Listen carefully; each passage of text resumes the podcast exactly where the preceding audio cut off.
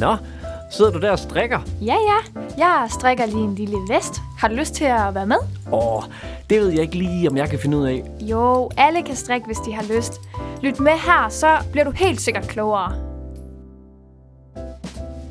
Du lytter til podcasten Strik er hvad for noget? Det er et ungt indspark på en strikkepodcast, der handler om stort og småt inden for strik. Strik er en ny, men måske også en gammel trend, som du og jeg sammen i den her podcast skal dykke ned i. Velkommen til Strik af hvad for noget, hvor jeg, Louise Buhlund, din vært, vil sammen med dig gå igennem den her strikkeverden. Jeg står bag Instagram-profilen Buhlund Designs, og jeg vil altså byde dig på en masse gode temaer og interviews og mere måske teknisk viden inden for strik. Podcasten den retter sig mod alle, der elsker at strikke, nybegyndere som øvede, og her stiller jeg altså spørgsmålstegn ved alt inden for strik, i form af, af hvad for noget. Både ved de mest åbenlyse, men også mere komplicerede begreber inden for strik. Altså simpelthen alt. I dag er det 10. afsnit, og det skal i dag handle om, hvordan strik kan bruges som terapi. Jeg har nemlig endnu en strikker med mig i studiet, som jeg glæder mig meget til at præsentere for jer om lidt. I dag er det tirsdag den 6. juli 2021, og jeg er faktisk gået godt i gang med min ferie. Jeg ved ikke med jer, men jeg har helt bestemt deltaget i nogle studentergilder, og ja, der er jo også bryllupper, og jeg skal servere til et bryllup her i weekenden. Men der er faktisk også det, at øh, jeg spiller i sådan et band, hvor vi er ude at spille til bryllupper. Og det er jeg også i gang med at øve op til. Vi har nemlig nogle bryllupper her i august, som vi glæder os meget til at komme ud og, og spille og give den gas, så folk de kan danse. Men jeg må indrømme, at det føles næsten som om corona det er ved at blive lagt lidt væk. Folk bliver vaccineret, og, og så er der jo selvfølgelig EM lige nu, hvor at størstedelen af danskerne er rykket sammen, og de hæpper sammen, og de rykker ud på gaderne og drikker øl, og, og, ja, og for mig der fylder det rigtig meget i gadebilledet, og det er da dejligt at se, at Danmark rykker sammen om, om sådan en dejlig stemning, og også hvis man ikke egentlig går så meget op i fodbold, så kan man stadig være med. Og sidder du nu og tænker, sommer, hvad for noget? så må jeg også bare sige, ja, jeg har brugt hele efteråret og vinteren på at skrive min bachelor, og det her afsnit er desværre ikke blevet udgivet før nu, så jeg håber, I vil tage rigtig godt imod den, selvom at det er en helt anden tid, vi befinder os i lige nu. Og som kontrast til det, så befinder vi os faktisk i en tid, hvor corona faktisk fylder rigtig meget igen. Og, øh, og vi passer på hinanden, og vi gør de ting, som vi er blevet gode til det sidste halvandet år.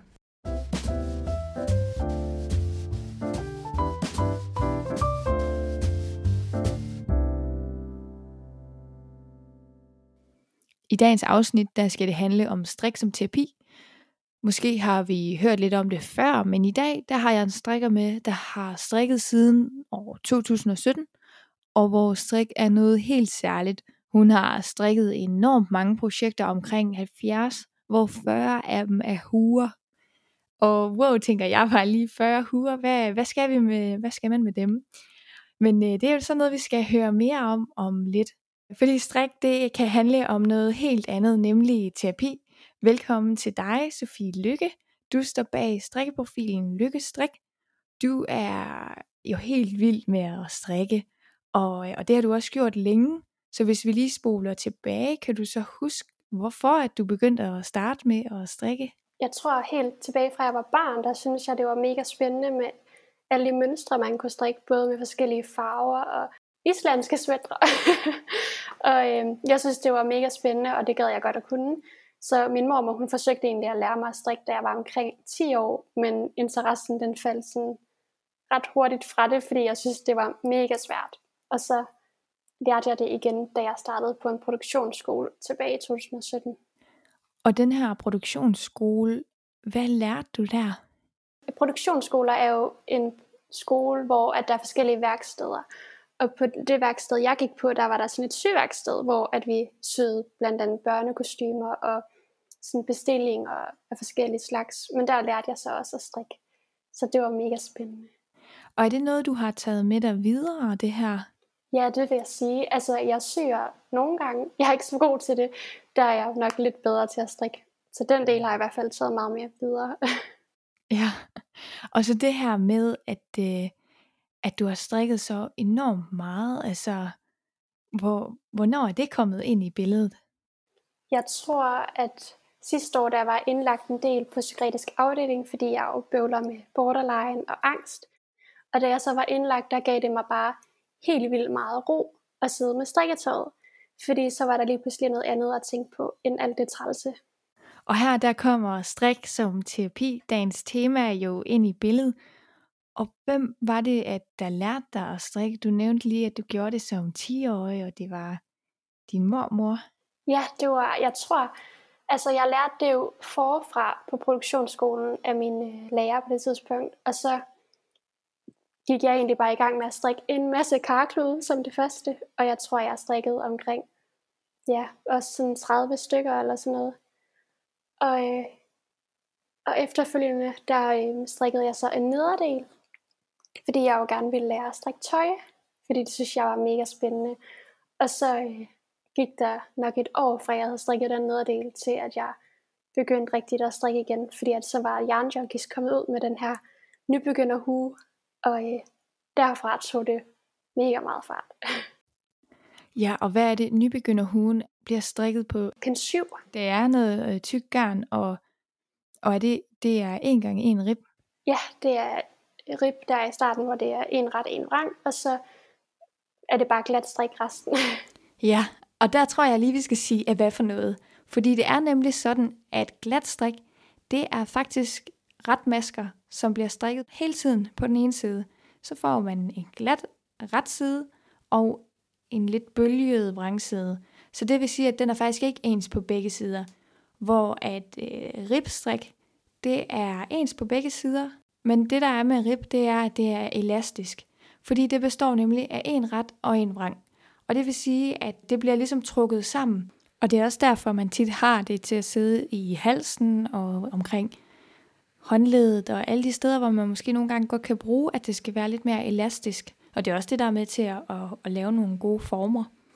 Hvis vi så kigger på, når rib ikke er ens på ret og vrangsiden, så er det for eksempel sådan noget som en 2 gange en rib. Det vil sige, at der er to retmasker og så en vrangmaske. Og det vil også sige, at når man så vender den her om, så vil den omvendt hedde en retmaske, to vrangmasker, og derfor er de selvfølgelig ikke ens på begge sider. Nå, men så lige for at hoppe tilbage, og hvad er det, der er helt særligt ved nybegynderhuen? Er det den, du har strikket 40 huer i? Øh, ja, det må det nok være. Jeg tror, at øh, opskriften den var nem at gå til, og øh, det var noget, jeg sådan begyndte at kunne i hovedet efter et par uger, og jeg kunne strikke den på tre timer. Øhm, hvilket gjorde, at når jeg havde det skidt, så kunne jeg bare tage huen frem, og så havde jeg strikket den på 0,5. Og jeg tror bare, så begyndte jeg at strikke nogen til mig selv, og fandt ud af, at så mange huer har man jo ikke brug for, men jeg kunne bare rigtig godt lide opskriften, fordi at den var så nem, og fordi jeg ikke havde overskud til at lære nye opskrifter på det tidspunkt, fordi der var så mange andre ting, der foregik i mit hoved. Så jeg fik strikket huer til hele omgangskredsen, tror jeg. så alle endte med at gå med de der huer. Ja. Det var ret hyggeligt. Det vil sige, at du så har givet alle huerne væk. Det er ikke sådan, du har lavet en lille forretning ud af det, eller et eller andet? Altså, jeg fik lidt penge for det øhm, af mine venner, men det var ikke sådan større beløb. Det var mere øh, garnet, og så plus lidt ekstra. Mm, sådan en vennetjeneste. ja. Så det var faktisk gået over i rigtig meget gavestrik? Ja, det var det. Er det generelt, at du strikker gavestrik frem for egostrik? Uh, jeg tror, jeg har en god blanding. jeg har altid mange projekter i gang til mig selv, men hvis der kommer et eller andet gavestrik, så lægger jeg mit eget fremme, fordi at jeg synes, det er mega hyggeligt at give. Og jeg elsker det der med at se andres glæde, når de modtager det. Hvad så med sådan noget som garnkvaliteterne og sådan?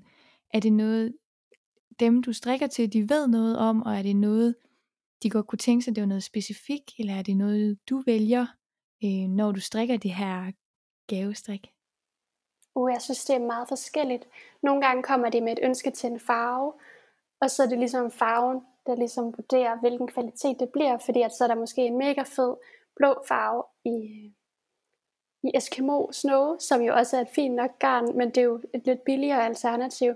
Men altså, hvis jeg ikke kan finde det i en dyrere kvalitet, så bliver det det, og det kommer også an på, hvor meget de har lyst til at ofre på garnet, fordi de skal jo selv betale det.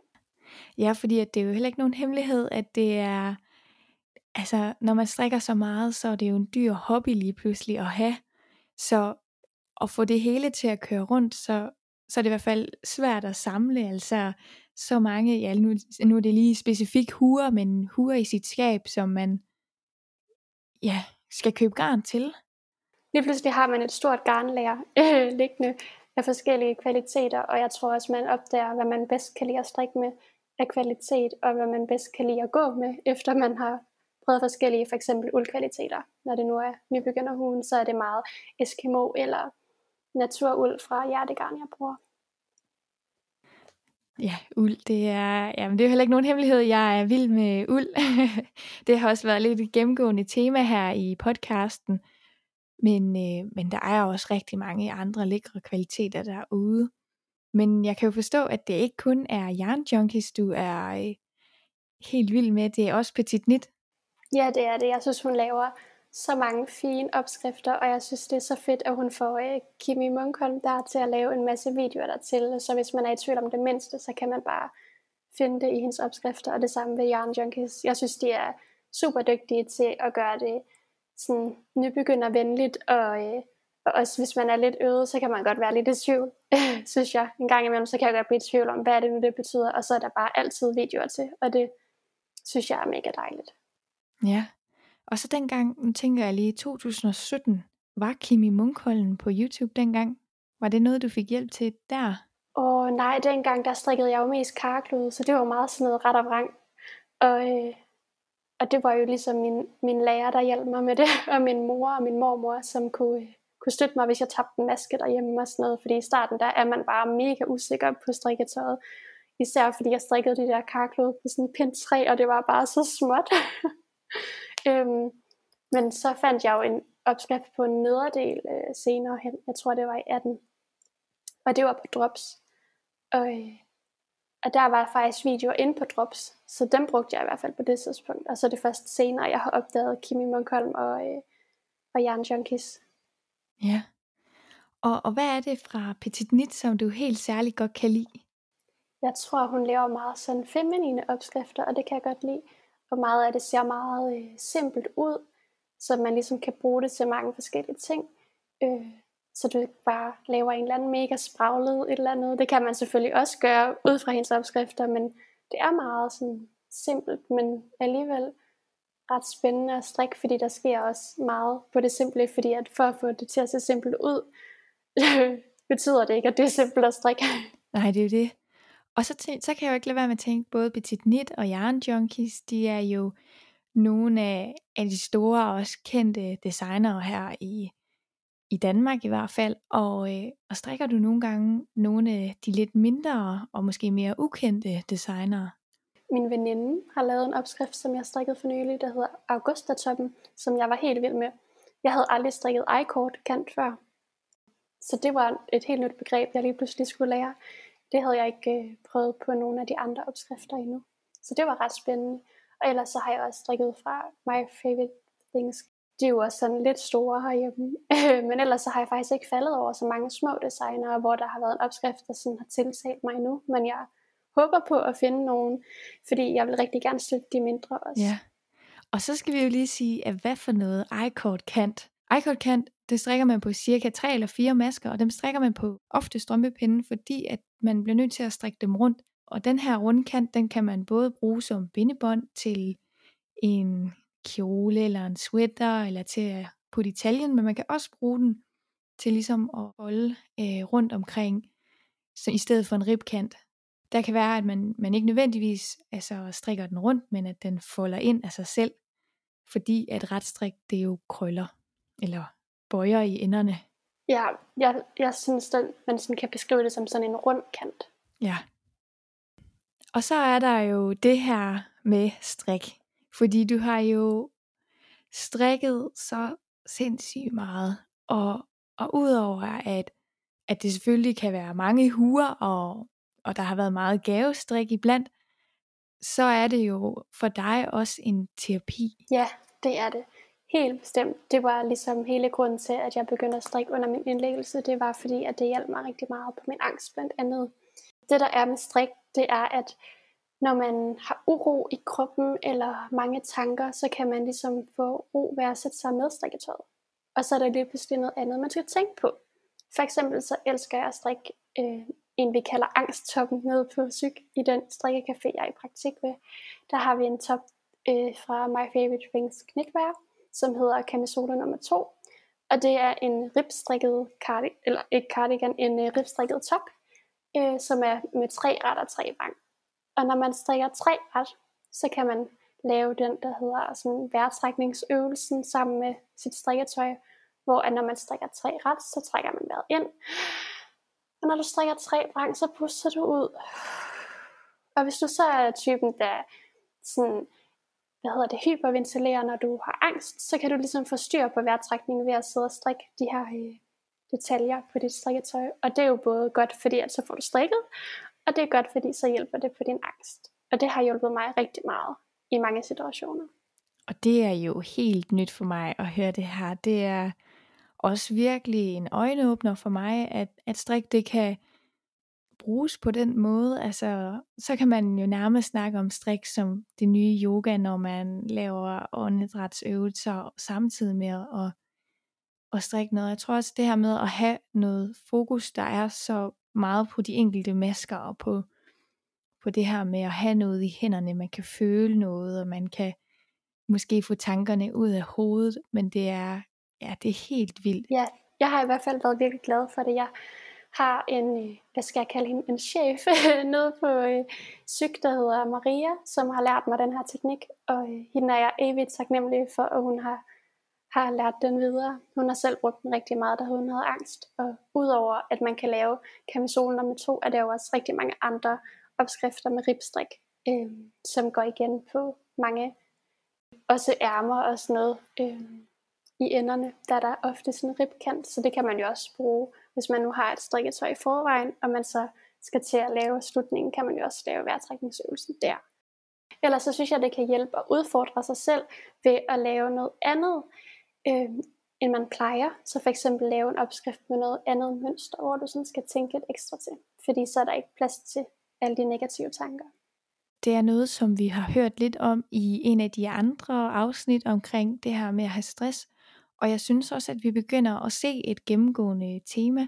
Det er selvfølgelig klart, at, det er ikke alle, det vil hjælpe med at få at, at strikke, når man har det sådan, men, men jeg fornemmer, at der er mange, hvor at strik virkelig bliver en terapi, og, og det er også derfor, at vi snakker om det i dag, fordi at der er så nogen, ja som mig, hvor strik det er, det er lidt for at få et produkt, og det er i delvis om processen, men jeg vil nok indrømme, at i virkeligheden er det meget for mig også at se produktet i den sidste ende, hvor at så er der også den anden halvdel, der virkelig kigger ned i processen og maskerne og, og hvordan altså, det psykologiske kan komme ud i det her strik. Og det er jo det, jeg synes er helt vildt, at man, man har sikkert flere end to grupper og to typer mennesker, der har den her tilgang til strik. Ja, altså jeg synes jo, det er mega spændende, både med processen og det færdige produkt. Jeg synes jo, at hvis processen kan hjælpe min angst oveni, at jeg kan få glæde af et produkt, så det er det jo bare en bonus. Altså, jeg synes, det er så spændende med forskellige udfordringer, jeg sætter mig for mig selv. Men jeg synes også, det er spændende bare at strikke en simpel ankertrøje fra Petit Nyt eller andet. Den her podcast er øh, sponsoreret af Sandermand, som jeg faktisk har med mig i studiet her i dag. Ja, jeg hedder Stine Sandermand, og jeg står bag den virksomhed, der hedder Sandermand, hvor at øh, jeg indsamler uld fra danske foravlere, hvor ulden ofte bliver kasseret, brændt af simpelthen, fordi der er sådan en øh, udbredt misforståelse øh, blandt foravlere om, at ulden ikke kan bruges til noget. Og med Sandermand, så satte jeg mig for at gøre det til min mission og ligesom modbevise det. Og man kan, man kan sagtens bruge den her uld. Det kan jo øh, blandes op med nogle finere uldtyper, og det gør jeg også nogle gange. Sender ulden til spinderi, hvor det bliver spundet til nogle lækre garner, og, øh, og du kan på min webshop enten købe garnerne til noget, du vil strikke selv. Du kan også købe strikkeopskrifter på designs, som jeg har udviklet, med udgangspunkt i de her garner. Og så kan du købe en gang imellem, når du er heldig, kan du lige finde en færdig strikmodel i de her danske øh, uldgarner også. Du nævner, at du har både angst, og du har borderline, og du har en masse diagnoser. Det er jo også noget, der fylder meget samtidig med, med strik. Tager det glæden fra strik, synes du? Det synes jeg overhovedet ikke. Jeg synes nærmere, at jeg bliver ekstra glad for det, hvis jeg ved, at det har hjulpet mig rigtig meget. Øhm, så det synes jeg ikke. Det her, det er jo noget, der er kommet ind i dit liv her gennem de ja, seneste år, men, men også stikker jo dybt. Det gør det helt bestemt. Jeg har øh, haft det svært, siden jeg var meget lille. Jeg er vokset op i en skilsmissefamilie, og øh, derudover så blev jeg mobbet en del i skolen. Og efter det, både på grund af mobningen og skilsmisser, så har det gjort, at jeg har flyttet en del. Både skoler og, øh, at flytte hus flere gange. Og jeg har nok en af dem, der, der er hårdt ramt øh, af det i dag. Så det var først i 2017, jeg sådan rigtigt søgte hjælp. Og det er også derfor, jeg blandt andet er ambassadør for en af os og øh, Psykinfo, som holder til her i Vejle, hvor at, øh, de tager ud og holder foredrag omkring det at have en diagnose på forskellige steder, både uddannelser og skoler og ja, læger og sygeplejersker og forskellige steder, der ligesom føler, at de har brug for at vide noget omkring det her, blandt andet også efterskoler. Så det synes jeg er mega fedt at vide, at jeg gør en forskel, både ved at dele ud af, hvordan det påvirker mig, og hvordan det påvirker sådan generelt, fordi der er jo stor forskel på, hvordan de forskellige diagnoser påvirker forskellige mennesker. Jeg tænker også, altså, hvor er du nået langt, at du kan sidde her i dag og snakke åben om det her. Det har jeg super meget respekt for, at, øh, at det er noget, du kan, fordi det er helt sikkert ikke nemt, og det er helt sikkert noget, der har taget tid at, øh, at nå dertil, hvor du er i dag.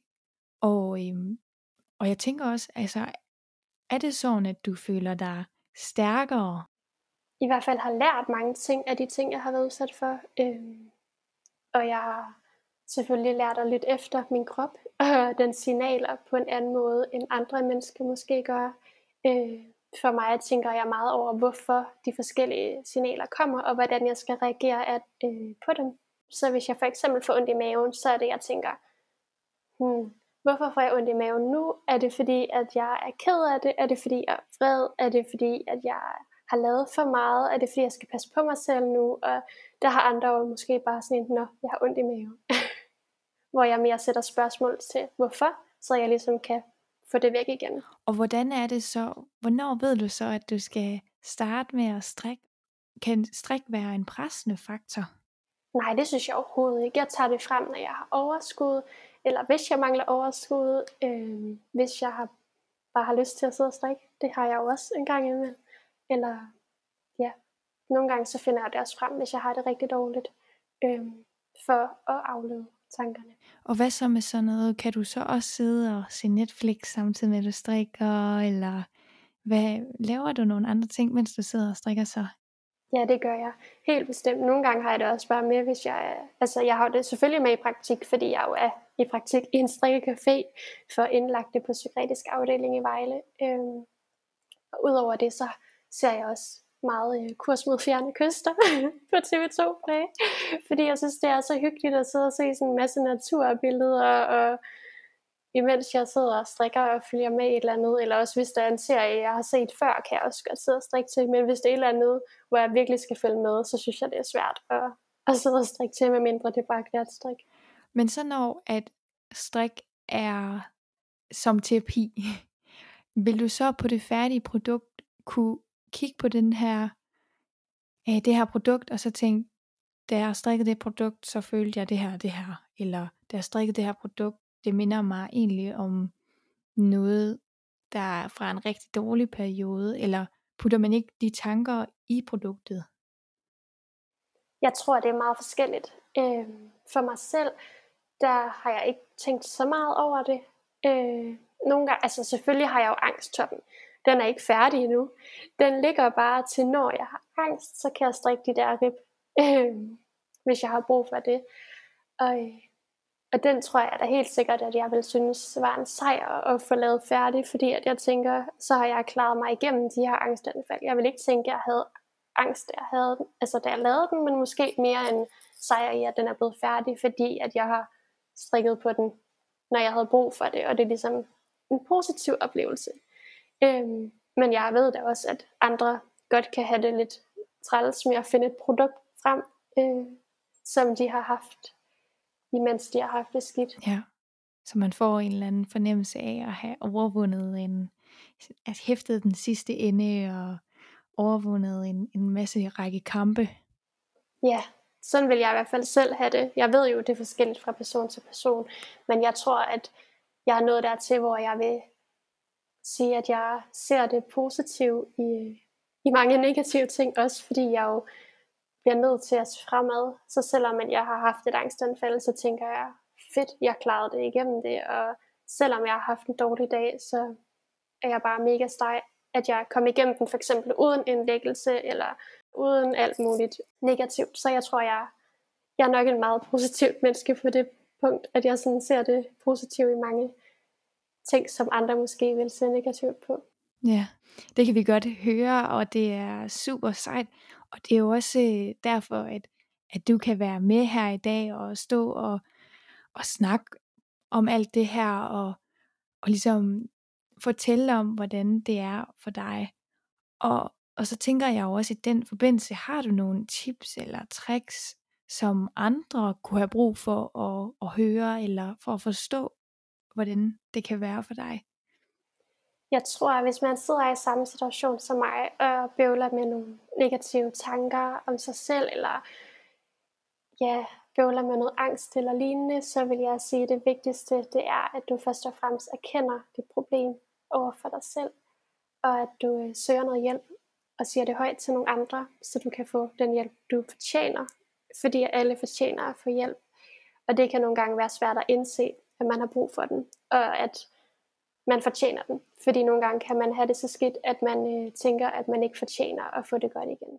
Det vigtigste råd, det vil være, at man først og fremmest søger noget hjælp. Og når man har gjort det, så vil jeg sige, at man skal prøve at finde nogle strategier, der virker for en selv. Eventuelt prøv strik, hvis du synes, det kunne være interessant. Øh, ellers så ved jeg, at der er mange, der maler mandalaer, hvor man skal sidde og, og lave små øh, mønstre, eller putter op sådan nogle, lave sådan nogle perle ting og sådan noget. Det er meget, meget spændende, men der er i hvert fald mange kreative måder at, at søge terapi på, øh, kan man sige. Men øh, selvfølgelig er det ikke alle, det virker for, og det er også helt okay. Ja, og øh, med de ord, så vil jeg sige tusind tak, fordi du havde lyst til at være med. Det har været virkelig interessant at høre om os, og det har været chokerende. Jeg synes, vi har hørt nogle, nogle vilde ting, og øh, hvor har du bare været meget igennem indtil videre. Og tusind tak, fordi du havde lyst til at fortælle os din historie.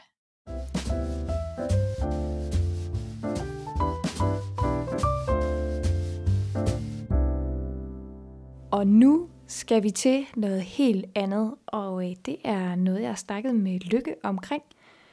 Det her med strikkegymnastik. Det er jo faktisk noget, jeg havde med i allerførste afsnit, og fordi det nu er 10. afsnit, så er det simpelthen bare en hyldst til, ja, hvad jeg selv synes var en sjov idé, dengang jeg startede, til øh, et afsnit med strikkegymnastik. Det betyder altså, at man skal lægge strikkepindene. Og jeg har godt hørt, at der er nogen, der synes, det var lidt sjovt, fordi at de hører podcast, når man kører bil. Men hvis du sidder og kører i bil, så må du lige se, om du kan være lidt med. Det, som vi skal høre i dag, er et kort nummer, så vi hører den to gange. Det er et nummer af Huffy Beats, som hedder Rainy Days. Og øh, I kan finde Huffy Beats på Spotify. Det er lo-fi og rigtig god musik til, hvis man studerer. Og så er der lige den side note, at øh, det er min kæreste, der laver det her musik. Så øh, det passer rigtig godt for mig at tage det med her i podcasten. Men øh, nok om alt det snak, vi skal i gang. Og vi skal have skuldrene op til ørerne, køre dem rundt i cirkler, sådan rigtig bagud. Og når vi lige har gjort det, så kan vi køre dem den anden vej. Og lad vil lige tilføje, du kan faktisk godt lave det her i bilen. Men vi går videre til noget, hvor at, øh, den går ud til dem, der sidder og strikker. Fordi vi skal have hænderne foldet sammen, og så kører vi også dem i cirkler. Lidt i sådan nogle otte-taller kan man også gøre. Det er virkelig godt lige at få husket at bevæge sig, når man sidder og strikker, og det er egentlig også derfor, at jeg tog det med, dengang jeg startede med at, at lave podcast. Og øh, så vil jeg nu tage og strikke min håndflade ud, og det gør jeg ved at putte den ene hånd oven på fingrene, øh, altså med håndfladen mod fingerspidserne, og så presse tilbage op mod armen, hvis det giver mening. Jeg forestiller mig ikke, der er så mange forskellige måder, man kan gøre det på. Nå, men vi skifter lige hånd i mellemtiden, mens jeg snakker her. Så øh, vil jeg lige give et skud tilbage til afsnit 1, hvor jeg nævnte, at jeg selvfølgelig skulle øve mig i at lave podcast. Det er bedre. jeg er stolt, når jeg hører om nogle af mine sidste afsnit, og jeg er også kommet dertil, hvor at jeg nu skal spørge nogen, om de kan hjælpe mig også med at få klippet og diverse ting og sager, sådan at øh, jeg kan få snakket med nogle flere mennesker og bruge lidt mindre tid på at redigere og, og give det arbejde til nogen, der virkelig synes, det er fedt, nu når at det, jeg synes er fedt, er jo at snakke med alle jer derude, søde, dejlige strikkere.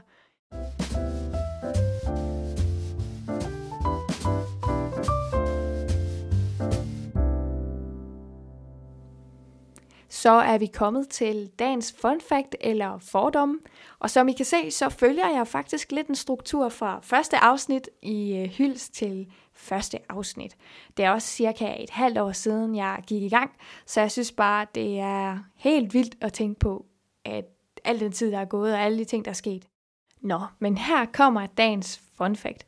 For vidste du, at man kan finde maskemarkører i det tøj, man køber ude i tøjbutikkerne? Det er jo sådan, at øh, på nogle stykker tøj, der sidder der et lille label med en, en, et prismærke og andre ting og sager, og den er vedhæftet med en lille nål. Og nogle gange er den nål faktisk en maskemarkør. Maskemarkør er jo mange ting, og øh, det betyder også, at det kunne lige så godt være en sikkerhedsnål, for det, der egentlig er vigtigt for en maskemarkør, det er, at det markerer noget i arbejdet. Og så længe det er rundt og kan sættes i arbejdet, så er det altså øh, en maskemarkør.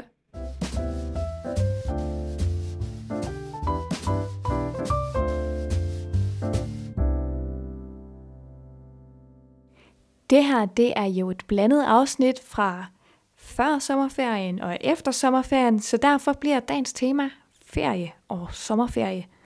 Og det vi skal snakke om, det er blandt andet de spørgsmål, I har sendt til mig her i løbet af sommeren, men også det her med, hvad er det, jeg selv har oplevet, og hvad er det, jeg har set på Instagram og hørt lidt forskellige ting. Og der må jeg bare sige, når jeg tager på ferie, så tager jeg selvfølgelig noget garn med at tage strikkepinde, og jeg pakker bare, så jeg har nok med. Jeg har lavet strikkeprøver hjemmefra, så jeg er bare klar det jeg oplever, det er, at når jeg kommer ned og sidder i varmen, så sveder mine fingre, og så ulden er klistret, der er fibre over det hele, og jamen, jeg holder ikke strikkefastheden, og jeg ved ikke, om du kender det. Det er ulideligt. Jeg troede, jeg var en øh, sommerferiestrikker. For mange var sommerferien en sommerhustur, hvor man jo godt kunne sidde og strikke. Vi var bare så heldige, hvis jeg skal sige det, at vi havde rigtig godt vejr. Og når man har så godt vejr, så er det ikke altid lige, at man har det samme engagement for at sidde og strikke. Selvom at jeg var overbevist om det, og jeg, øh, jeg har haft nogle deadlines, jeg skulle nå, så var det bare ikke helt den samme fornøjelse for mig at sidde og strikke, som når jeg sætter mig ind i sofaen med et dejligt tæppe over. Og jeg spoler lige lidt tilbage, fordi jeg sagde nemlig, at strikkefastheden, den skrider. Og hvad er det egentlig, jeg mener? Altså, er det ikke her, vi lige skal sige, at hvad for noget? Fordi, ja, for det første strikkefastheden, det er jo den fasthed, man har, når man strikker med en bestemt pind og et bestemt garn.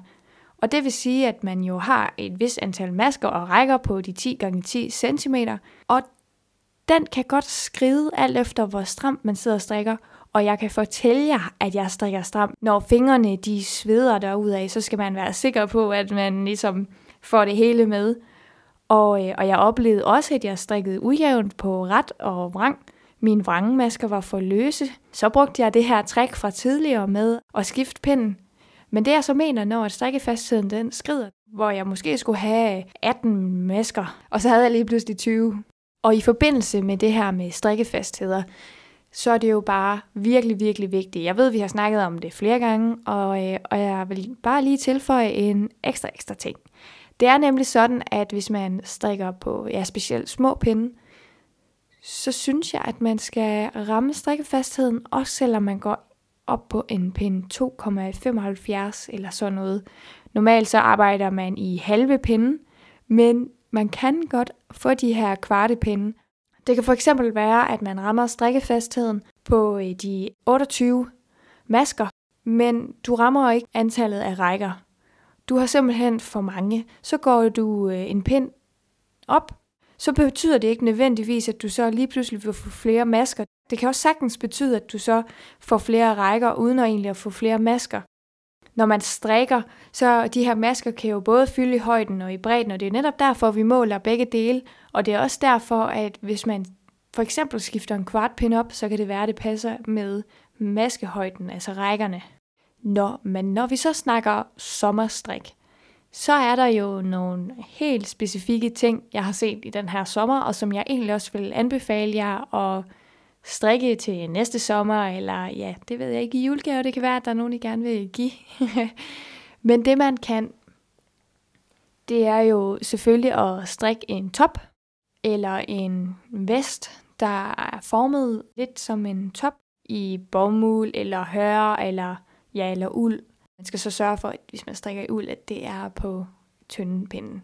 Så kan man strikke en bøllehat, der er rigtig mange, der både har strikket, men jeg har også set rigtig mange hæklede bøllehatte. Det har været totalt ind. Jeg ved ikke helt, om jeg selv er med på bølgen. jeg synes, der er en del folk, det klæder, og det er også faktisk rigtig praktisk. Og øh, hvis man strikker det i, øh, i nogle af de rigtige materialer, så kan det jo være, at man kan bruge de materialer til at komme af med varmen i de varme dage. Så har jeg set Lykkestrik. Hun har lavet sådan en fin jeg ved snart ikke, hvad jeg skal kalde det. Altså, hun har strikket et par ærmer. Jeg ved ikke, hvad jeg skal kalde det. Det er som om, hun har taget en sweater, og så har hun taget kroppen af og beholdt ærmerne. Og jeg synes, den er helt vildt fin og elegant, og den er bare super praktisk til sommeraftener. Og hvad er det så for nogle materialer, der kunne være gode? Jeg har allerede nævnt bambus, har nævnt hør og bomuld.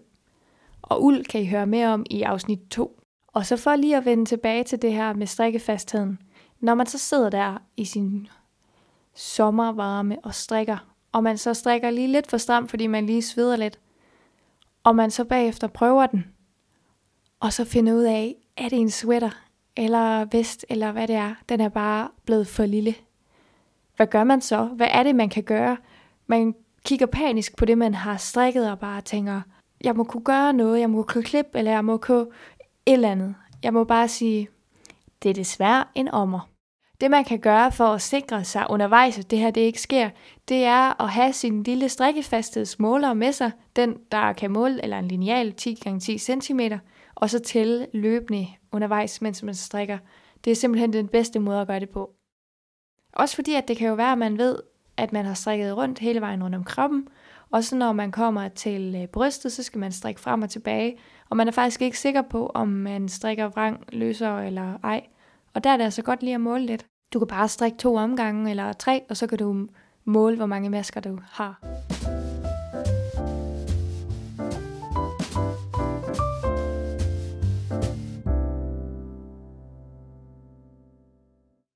Vi skal have dagens af hvad for noget? Og øh, det spørgsmål, jeg egentlig har fået i dag, det er, hvilke strikkepinde kan jeg tage med mig i flyveren i håndbagagen? Og det er et rigtig godt spørgsmål, og jeg vil også sige, det er lidt 50-50, om du er heldig at få dem med eller ej. Og jeg tror, at der er mange, der vil sige, åh oh, ja, det har jeg gjort mange gange. Jeg har også selv gjort det mange gange. Jeg har også været ude at rejse to gange faktisk her på de seneste to måneder. Jeg har sluppet igennem med min strikkepinde seks gange. Det er faktisk lidt vildt. Jeg har testet det både med træpinde, jeg har testet det med metalpinde, men jeg vil så sige, at det er ikke hvilket som helst strikkepinde. Det er nemlig sådan, at de pinde, jeg havde med, det er nogen, der kan klikkes af. De her klik rundpinde. Så jeg havde skruet dem af, og så havde jeg lagt dem ved siden af hinanden, sådan at, at pindene i princippet ikke er længere end de der 12 cm eller 14 cm. Og øh, jeg oplevede, da jeg var i Tyrkiet, at de tog dem op og målte dem, og vurderede, om jeg måtte beholde dem eller ikke. Min kollega fik dem så desværre taget. Det er på grund af længden. Det kan også være på grund af, at det er et metal eller er det træ. Og på den måde kan der være rigtig mange spekulationer i det. Jeg var også øh, lige inde og se øh, tilfældigvis på Rito, at de heller ikke kan gøre andet end at sige prøv. Som udgangspunkt så vil jeg sige, pak pindesættet i din bagage, som bliver tjekket ind, og ellers så tag et sæt pinde med, som du kan sidde med, og som du kan tåle at miste, hvis de tager den i din håndbagage. Men de pinde er en god idé, hvis det så er af træ, og de kan klikkes af. Altså det skal slet ikke være de der lange. Det kan også godt være, at strømpepinden også godt kan blive accepteret, men træpinden er oftere accepteret end andre. Og så vil jeg også sige, at øh, i, inden for Europa, der er sandsynligheden for, at du får dem med igennem størst, i forhold til hvis man går ud og tager Tyrkiet, Kina, USA og hvor man ellers skal hen. Nu har jeg lige været i Tyrkiet, og der var de simpelthen strikse med det, da vi skulle hjem faktisk. I næste afsnit kan jeg så allerede nu afsløre, at jeg skal snakke med min studieveninde, fordi vi er jo blevet færdige med vores bachelor. Så det skal I høre meget mere om i forhold til, hvad det er, vi har lært lidt om. Tusind tak, fordi I lytter med. Hvis I har spørgsmål eller kommentarer, så kan I altid skrive til mig på podcast Det kan være spørgsmål, men det kan også være andre fif eller tricks, end det vi har diskuteret i dag. Og skriv endelig, hvis du har lyst til at komme forbi her online i studiet og tage en lille snak om strik. Hvem vil jeg gerne snakke med? Jamen det er jo alle, der designer, alle, der strikker, alle, der sælger garn, eller har et eller andet med strik at gøre, eller har nogle tanker om strik. Følg gerne med på min Instagram, Bulund Designs, eller strik af hvad for noget. Og I kan finde mine opskrifter på bulund.com. Tak fordi du lyttede med.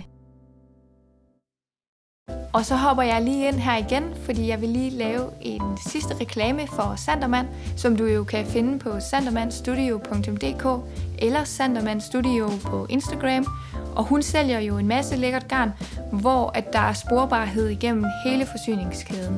Du kan altså se, hvilken uldtype det er fra hvilket får, og det er super spændende, og der er rigtig mange gode informationer inde på hendes hjemmeside omkring uld. Du kan også lytte mere i afsnit 2, og ellers så vil jeg jo bare sige tak, fordi du lytter med.